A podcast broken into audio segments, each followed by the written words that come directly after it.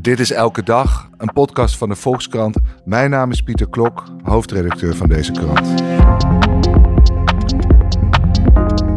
Afgelopen weekend heeft Donald Trump de Republikeinse voorverkiezing in South Carolina gewonnen. Hij versloeg zijn rivaal Nikki Haley in haar eigen thuisstaat met 60% van de stemmen. Toch ziet Haley geen reden om te stoppen. Te meer omdat Trump ook veel tegenvallers moet incasseren. Heeft Nikki Haley nog een kans? Daarover ga ik uitgebreid praten met onze Amerika-correspondenten Maral Noshat Sherifi en Thomas Rup. Maral, om met jou te beginnen. Trump heeft ook de voorverkiezing in South Carolina gewonnen. Dat was geen verrassing. En eigenlijk uh, waren jullie de enigen die daar toch vrij optimistisch over waren. Heeft ze nou toch veel beter gedaan dan gedacht? Ja, ze heeft het inderdaad beter gedaan dan verwacht. Ik bedoel, het is duidelijk dat ze nog steeds ja, heel weinig kans maakt om die nominatie te winnen. Maar ze heeft het in South Carolina wel beter gedaan dan verwacht. En wat gewoon best wel knap is, is dat ze zich uh, zo ver in de race staande heeft kunnen houden tegen Trump. Omdat toen ze begon aan deze strijd stonden er veertien mensen in de race. En nu zijn er twee over. Zij was de enige vrouw. En um, ja, ook als ik hier met kiezers in South Carolina uh, praat, dan merk je dat mensen toch wel heel blij zijn dat ze in ieder geval nog iets van een alternatief hebben. Dat Trump niet nu al uh, zeg maar zichzelf als winnaar kan uitroepen. En dat is ook voor hem is het toch nog steeds wel schadelijk hè, dat hij nog steeds een tegenkandidaat heeft. Want het betekent dat er nog steeds donateurs zijn, republikeinse donateurs, die geld aan Nikki Haley geven en uh, niet aan Donald Trump. En het is toch ook wel een beetje gezichtsverlies. Dus um, ja, dat heeft ze hier best wel goed gedaan. Wat ook opvallend is, is dat Nikki Haley, die krijgt dus bijna geen ruimte op de landen, in de landelijke media om haar verhaal te vertellen. Dus je ziet dat Fox News helemaal geen uh, ruimte aan haar geeft. Ze wordt daar niet uitgenodigd om haar verhaal te vertellen. En ondanks dus dat ze zo weinig media-aandacht krijgt, heeft ze het op zich beter gedaan dan werd verwacht in South Carolina. En krijgt ze nou ook nog steun van uit democratische hoek? Ja, en daarom heeft ze ook bijvoorbeeld vorige maand heeft ze meer geld binnengehaald dan Trump. Uh, omdat zoveel democraten bang zijn dat uh, Donald Trump straks weer president wordt, dat ze ja, zijn tegenkandidaat ook uh, geld toestoppen. Vanuit verschillende hoeken wordt ze financieel gesteund. Ja, tot nu toe was althans bij mij het idee dat de, de verkiezingen in South Carolina ook wel een kwestie was van erop of eronder. Voor Nikki Haley, waarom was deze, juist deze staat zo belangrijk voor haar? Nou ja, ze is hier zes jaar lang uh, gouverneur geweest. Ze is geboren in South Carolina. Veel van haar kiezers zitten hier. Maar die zijn ook best wel, uh, ja, misschien nog wel conservatiever dan zij is. En het was natuurlijk fantastisch geweest als zij in ieder geval haar eigen staat kon winnen. Ook omdat mensen gewoon best wel tevreden zijn over hoe zij het als gouverneur heeft gedaan. Uh, de werkloosheid was heel uh, hoog voordat zij begon. En ze heeft toch veel grote bedrijven naar South Carolina gehaald. En mensen die zijn daar heel blij over. Ze zeggen ook van we merkten echt dat de economie veranderd is door haar.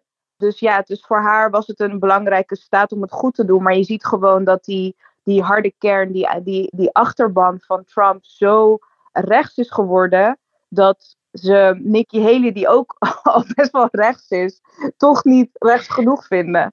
Kun je haar nou omschrijven als een mainstream republikein? Of, want zij is VN-ambassadeur voor Trump geweest, dus dat, dat doet vermoeden dat ze ook wel vrij radicaal is op sommige onderwerpen. Maar hoe, hoe, hoe, hoe zou je haar nu omschrijven? Ja, ik denk dat ze gewoon, ze is een traditionele republikein. Dus ik denk dat de politiek die zij, de campagne die zij voert, niet zo erg verschilt van campagnes die republikeinse um, presidentskandidaten voor Trump voerden.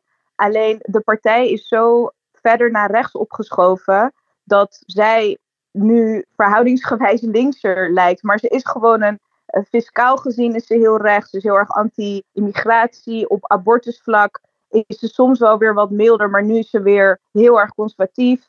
Weet je wel, ze is gewoon wel echt een, een, uh, ja, een mainstream, mainstream republikeinse presidentskandidaat. Maar ja, die partij is gewoon ontzettend rechts geworden. Dus, en tegelijkertijd, en dat, dat eigenlijk eh, zijn die traditionele republikeinse uh, kandidaten, dat zijn ook gewoon mensen die uh, de Trump heel veel ruimte hebben gegeven de afgelopen jaren. Weet je wel, dus dat, dat inderdaad, ze is VN-ambassadeur geweest en Maar dat geldt voor heel veel um, republikeinse traditionele politici. Die hebben uh, de weg geplaveid voor iemand als Donald Trump. Dus ook uh, dat is onderdeel van hun, van hun karakter.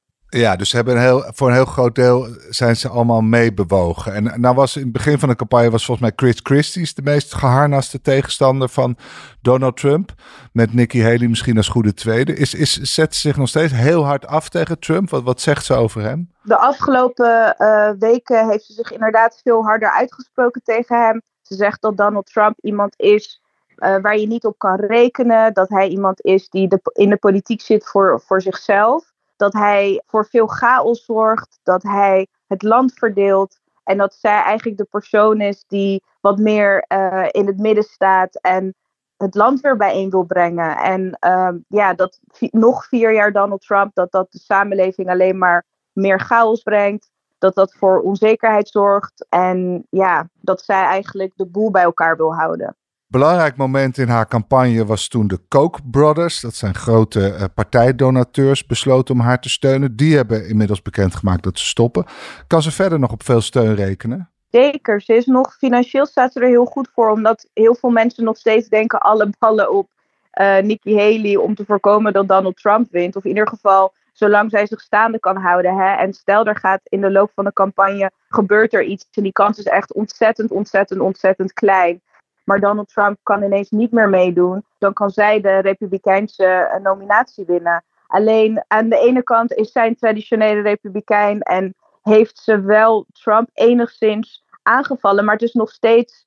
Ze weet ook als ik hem te hard aanval, gaat zijn achterban niet op mij stemmen. Weet je wel? Dus is eigenlijk, ze zou nog veel kritischer, nog veel harder op Donald Trump kunnen zijn. Maar ze gooit het nu heel erg op chaos, op zijn hoge leeftijd, wat ze ook met Joe Biden doet. Hè, van dit land uh, zou niet op uh, twee oude mannen, 70-plussers, als kandidaat moeten hebben. Maar we hebben wat jonger bloed nodig. Deze twee mannen die verdelen de samenleving alleen maar en ik niet. Dat is een beetje haar verhaal. Maar die hele aanhang hoopt dus vooral dat Trump uitvalt, op welke manier dan ook. Ja, precies. En dat zij dan dat gat vult. Ja, en, en, en uh, ja, bij vorige verkiezingen was een beslissend moment vaak Super Tuesday.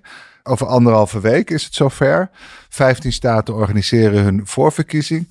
Heeft Haley nog serieuze hoop dat ze daar een, een bres in, in de Trump-aanhang kan slaan? Nee, ik denk niet dat ze verwacht dat ze dan ineens gaat ze niet als winnaar uh, uit de doeken komen. Ik denk dat zij hoopt dat een van die strafzaken tegen Donald Trump, dat dat nog voor een ja, vervolging zorgt, waardoor zij wat meer ruimte krijgt om op te staan en misschien wel de Republikeinse nominatie of de Republikeinse kandidaat te worden. En verder is er ook nog een mogelijkheid, en die kans is ook allemaal heel klein, maar wel uh, belangrijk om te benoemen dat zij bijvoorbeeld uh, besluit om als um, onafhankelijke kandidaat verder te gaan. Ik heb vorige week uh, heb ik daar in South Carolina met heel veel kiezers over gesproken van wat zij dat, ja, hoe zij dat zouden vinden. En toen merkte je wel dat ze niet super loyaal zijn aan de Republikeinse Partij. Dat ze zeggen van ja, de Republikeinse Partij is niet meer wat het geweest is sinds Donald Trump. Dus als zij besluit om uh, als onafhankelijke kandidaat um, verder te gaan, dan steunen we dat.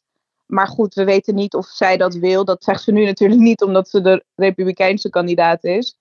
En dan bestaat er ook nog een hele kleine kans dat de No Label Group, een soort politieke organisatie waar zowel Democraten als Republikeinen bij aangesloten zitten, dat zij na Super Tuesday besluiten om zelf nog een kandidaat naar voren te duwen. En dat zij ervoor kiezen om voor Nikki Haley te gaan. En uh, nogmaals, zij heeft zelf steeds gezegd dat ze dat niet wil, omdat zij natuurlijk naar iedereen duidelijk wil maken: ik wil de Republikeinse kandidaat zijn. Maar het kan zijn dat daar nog bepaalde verschuivingen in gaan plaatsvinden de komende tijd. Ervoer ze die, die, die 40% in South Carolina nou ook als een overwinning? Nou ja, ze liep met een grote grijns liep ze het podium op. Dus ik denk zeker dat ze dat als uh, overwinning heeft gezien, ja. Ja, en hoe heeft Trump gereageerd?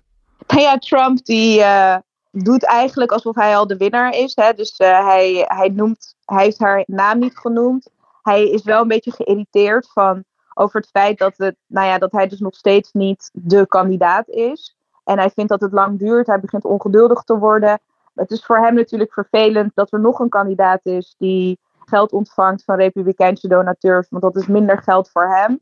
En het is ook een beetje gezichtsverlies. Weet je, hij heeft al vanaf het begin van de Republikeinse race gedaan alsof hij de winnaar was. En uh, heel veel mensen hebben al opgegeven. En uh, de enige vrouw die um, nou ja, ook nog diende in, in zijn regering, die heeft er nog steeds uh, tegen hem opgenomen. Dus hij vindt haar wel irritant, ja. Maar de grootste tegenstander, je refereerde er al aan, uh, is misschien wel de rechter tijdens deze campagne.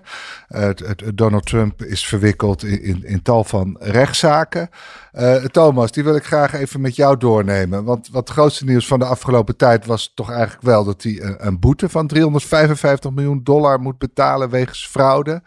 Waar had hij deze precies aan te danken? Ja, een gigantisch bedrag. En het bedrag is zelfs nog opgelopen, want dat was de boete zonder de rente. Die was nog niet berekend. Dus het totaalbedrag komt nu zelfs uit op 450 eh, miljoen dollar. Echt een, ja, zelfs voor hem uh, onverteerbaar groot bedrag. Wat er gebeurt is, hij heeft zijn met zijn Trump Organization, dus uh, zijn bedrijf dat in New York gevestigd is, eigenlijk jarenlang uh, boekhoudfraude gepleegd.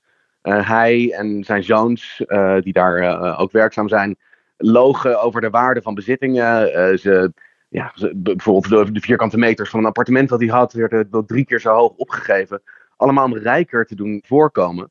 En op die manier gunstige leningen te verwerven. En intussen werd er tegen de Belastingdienst iets anders gezegd.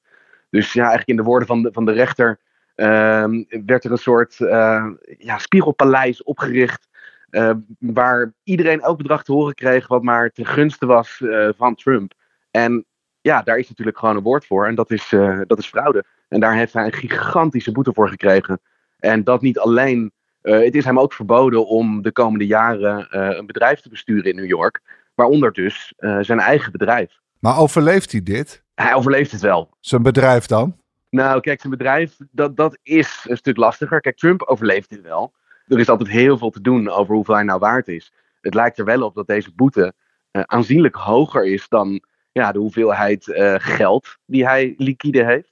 Dus het, ja, het, is een zeer, het is niet onwaarschijnlijk dat hij bijvoorbeeld uh, vastgoed moet gaan verkopen. En dat is iets wat hij ja, nooit heeft willen doen, omdat dat vastgoed en zijn bezit natuurlijk ja, onderdeel zijn van, van de status eh, die hij naar buiten toe wil projecteren. Maar dat zou in dit geval zomaar eens nodig kunnen zijn, want het lijkt erop dat hij niet veel meer dan 400 miljoen bezit. En bovenop deze zaak is nog een andere civiele zaak, namelijk hij wordt beschuldigd van verkrachting door een schrijver, uh, E. Jean Carroll. En daar is hij ook aansprakelijk voor gevonden. En vervolgens bleef hij dat ontkennen. Die heeft een smaadzaak tegen hem afgekondigd. Ja, en daar moet hij ook nog uh, eh, 83 miljoen voor betalen. Dus uh, op dit moment uh, heeft hij een boetes meer te betalen dan hij bezit. Want hoe werkt dat precies? Was hij nou ook veroordeeld voor verkrachting? Nee, hij is niet veroordeeld. dit is een civiele zaak. De misdaad waar hij van wordt beschuldigd is verjaard. Maar New York had een tijdelijke wet ingesteld waarin slachtoffers van misbruik eigenlijk met terugwerkende kracht civiele zaken mochten aanspannen voor eigenlijk wat een overkomen is uh, langer geleden dan het strafrecht nog uh, behandeld. En een jury in New York heeft hem aansprakelijk gesteld voor misbruik, niet voor verkrachting, dat echter zijn niet bewezen. Maar vervolgens is Trump blijven ontkennen, bleef hij in uh, toespraken beschuldigend naar het slachtoffer wijzen. En zij heeft toen ja, een nieuwe zaak aangespannen voor smaad. En daar is een gigantische boete aan opgehangen. die natuurlijk helemaal bovenop die fraudeboete ja, voor hem uh, misschien wel voor het eerst in een hele lange tijd echt voor financiële problemen zorgt. Want hij moet beide boetes gewoon betalen. Er is niet nog een hoger beroep mogelijk of, of uh, kan hij op een andere manier onderuit? Nou, hij gaat een hoger beroep, maar uh, het geld moet betaald worden, uh, vooralsnog. Het komt nog niet bij het slachtoffer terecht. Er zijn daar wel omwegen waar hij ongetwijfeld zijn best voor gaat doen. hij kan bijvoorbeeld een lening afsluiten of hij kan iemand garant laten staan. Maar dat zal nog misschien nog best wel lastig voor hem worden, aangezien ja, er net open en bloot zijn boekhouding uh, de wereld in is geslingerd. Waarin je ziet dat hij eigenlijk ontzettend onbetrouwbaar is. Juist met betalingen. Een andere mogelijkheid, en daar zal hij ook zijn best voor gaan doen, is uh, de partij laten bijdragen. Of in ieder geval de partij garant laten staan. En bijvoorbeeld, daarom is hij al bezig om zijn schoondochter Lara Trump geïnstalleerd te krijgen als voorzitter. Zodat dit soort dingen wat makkelijker voor hem kunnen worden. Maar dan betalen ze eigenlijk zijn boetes. Ja, dat zou betekenen dat zij eigenlijk verantwoordelijk voor hem worden op het moment dat hij niet kan betalen. Dus het is niet zo dat zij dat, dat bedrag overmaken, want dat hebben zij al helemaal niet. Uh, maar eigenlijk zou het een soort gedeelde verantwoordelijkheid worden van elke republikein of Donald Trump wel of niet besluit uh, zijn boete te betalen. Maar we weten uit het verleden eigenlijk al dat zijn bedrijf uh, uh, grotendeels een luchtkasteel is. Wat vooral gebouwd is op bluff, uh, leugen soms. En in de praktijk veel minder waard is in ieder geval dan hij wil doen voorkomen. Doet dit nog iets met de publieke opinie? Of, of heeft zijn aanhang al lang besloten dat hij per definitie gewoon deugt en de goede president gaat worden? Nou, het is dat laatste. En wat natuurlijk hier gewoon altijd het grote probleem is, is dat dit soort nieuws zijn aanhang ja, eigenlijk niet bereikt. Dus een lezer van de New York Times die heeft elk detail over deze zaak te horen gekregen. En ja, Fox News bericht over hoe boos Trump is over wat de rechter heeft gezegd. En Trump zegt dan natuurlijk, en dat wordt geloofd door het grootste deel van zijn achterban. Weet je, dit is gewoon een politieke heksenjacht. Ze proberen mij op elke manier uh, het leven onmogelijk te maken. En uh, kijk nu weer wat ze doen. Dus het zal binnen zijn achterban niet echt tot een verschuiving leiden. Nee, uh, dan hebben we ook nog de afkoopzaak van pornoster Stormy Daniels. Uh, die zou uh, de vorige verkiezingscampagne een bedrag hebben gekregen om haar mond te houden over een affaire die ze ooit met Trump heeft gehad. Die volgens mij maar één nacht heeft geduurd. welke risico's zitten er nog aan die zaak voor Trump? Hij kan veroordeeld worden. dat zal zeer waarschijnlijk niet tot een gevangenisstraf leiden. De risico's van al zijn strafzaken zijn voor deze eigenlijk behoorlijk klein. En dat leidt ook ja, onder bijvoorbeeld Democraten ook wel tot gemor. Dat het nou net juist deze zaak is die als eerste um, uh, voorkomt. Want ja, het is een hele ingewikkelde zaak. Je denkt afkopen, ja, dat snap je wel. Maar je mag ook als presidentskandidaat iemand afkopen. Het gaat erom dat hij campagnefinanciering gebruikt heeft voor een afkoping, maar die als advocatenkosten te boek heeft gesteld. En eigenlijk op die manier het Amerikaanse publiek de kans op een eerlijke keuze heeft ontnomen. Dus het is eigenlijk een zaak die behoorlijk wat uitleg vergt. En je ziet ook in peilingen dat ja, de meeste uh, Amerikanen over deze zaak eigenlijk gewoon een klein beetje hun schouders ophalen. En welke zaken hebben we dan nog meer waar die zich serieus zorgen over maakt of moet maken? Nou ja, je hebt de zaak uh, rond het achterhouden van uh, vertrouwelijke documenten. dat is een zaak die nog vermoedelijk maanden op zich zal laten wachten. En ja, eigenlijk vrijwel zeker niet voor de verkiezingen kan dienen. Dan heb je de zaak in Georgia voor het beïnvloeden van de verkiezingsuitslag daar. Nou ja, die zaak zou nooit uh, dienen voor uh, verkiezingsdag. En daar speelt een enorm ander drama mee. Met een aanklager die een affaire blijkt te hebben gehad of hebben met iemand die zij heeft ingehuurd. En ja, daar speelt een integriteitsvraagstuk wat die zaak nog verder kan uh, vertragen. Maar de belangrijkste zaak, en dat is wel een hele spannende voor deze week ook, is de zaak die Jack Smith, de aanklager, uh, tegen hem voert voor het beïnvloeden van de verkiezingsuitslag van 2020, waaronder ook de kapitoolbestorming valt. En dat is eigenlijk de zaak die, als er eentje is, uh, ja, toch een hele grote invloed nog kan gaan hebben op zijn verkiezingscampagne. Ja, en, en welk besluit is daarbij het meest relevant? Want kan, kan hij zich nog achter een soort immuniteit verschuilen? Want hij was toen president. Ja, kijk, dus hij gooit alles wat hij kan er tegenaan om deze zaak te vertragen. En hij heeft inderdaad een beroep op immuniteit gedaan. Hij zegt eigenlijk namens, uh, bij monden van zijn advocaten: een president kan simpelweg niet vervolgd worden voor iets wat hij doet terwijl hij uh, president is. En dat verzoek is door uh, een eerste rechter afgewezen. Het is in hoger beroep afgewezen. En nu ligt de kwestie bij het Hoge Rechtshof van de Verenigde Staten. En mogelijk komt er zo snel als deze week al een uitspraak over. En ja, je kan eigenlijk zeggen dat deze uitspraak, of het besluit wat zij daarover gaan nemen, het allerbelangrijkste is van, uh, uh, van wat Trump de komende maanden overkomt. Want zij kunnen drie dingen besluiten eigenlijk. Zij kunnen zeggen, weet je, dit verzoek gaan we helemaal niet behandelen. Want het is zo belachelijk. Ja, dat, dit is onder ons, wij hoeven ons daar niet over te buigen. Nou ja, in dat geval gaat die zaak gewoon door. Uh, is er niks eigenlijk wat Trump meer kan doen om de boel verder nog te vertragen. Een ander besluit is dat ze kunnen nemen, is dat ze zeggen, wij gaan dit behandelen en dit is zo belangrijk en dit verzoek is ja, zo frivol eigenlijk, dat is zo kansloos. Uh, dit kunnen wij in een paar weken doen. En in dat geval, ja, er is niemand die denkt dat die immuniteit toegekend gaat worden. Het zou gewoon een belachelijke invulling van het presidentschap zijn volgens uh, de meeste juristen. En dan gaat die zaak ook door.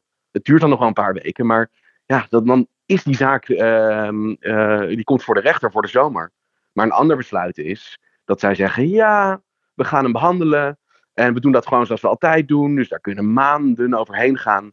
Ja, en dan is die zaak zeer waarschijnlijk niet, uh, komt hij niet voor de rechter voor de presidentsverkiezingen. En dat is natuurlijk waar Trump alles op inzet.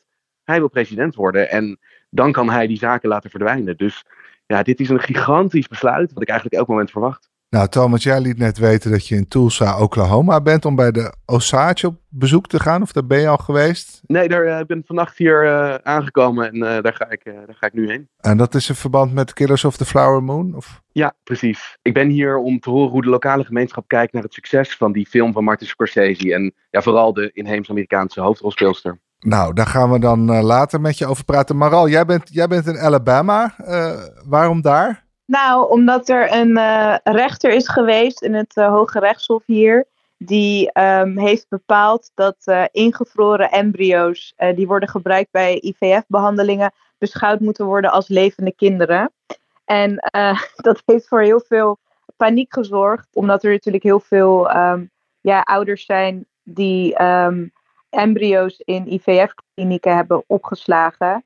En die klinieken die zijn meteen uh, gesloten omdat ze bang zijn dat ze verantwoordelijk worden gesteld op, op het moment dat die embryo's sterven. Of als er, als er iets mee gebeurt. Het komt dus voort uit de, pro, uit de pro-life beweging, maar het leidt eigenlijk tot anti-life. Want, want uh, eh, IVF wordt veel ingewikkelder. Ja, zeker weten. En je ziet dus ook dat heel veel republikeinen ook geschrokken zijn van die uitspraak van die rechter. En dat Donald Trump ook geschrokken is van die uitspraak, omdat nou ja, heel veel mensen zijn natuurlijk afhankelijk voor, van IVF om kinderen te krijgen. Maar het laat maar weer zien hoe conservatief die staten aan het worden zijn. In heel veel van die conservatieve staten, eigenlijk sinds het landelijk recht op abortus niet meer bestaat en het aan de staten zelf is overgelaten, zie je dat er op allerlei plekken gewoon hele, uh, ja, best wel extreme uitspraken komen van, van rechters over alles wat met uh, voortplanting te maken heeft. En dit is daar maar weer een voorbeeld van. En uh, ja, het gaat dus zelfs zo ver dat ze een embryo in een,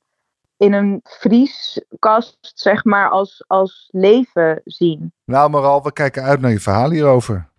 Mag ik jullie allebei heel hartelijk danken voor jullie heldere uitleg en, en heel veel succes. Dankjewel. Bedankt. En u luisteraar, dank voor het luisteren.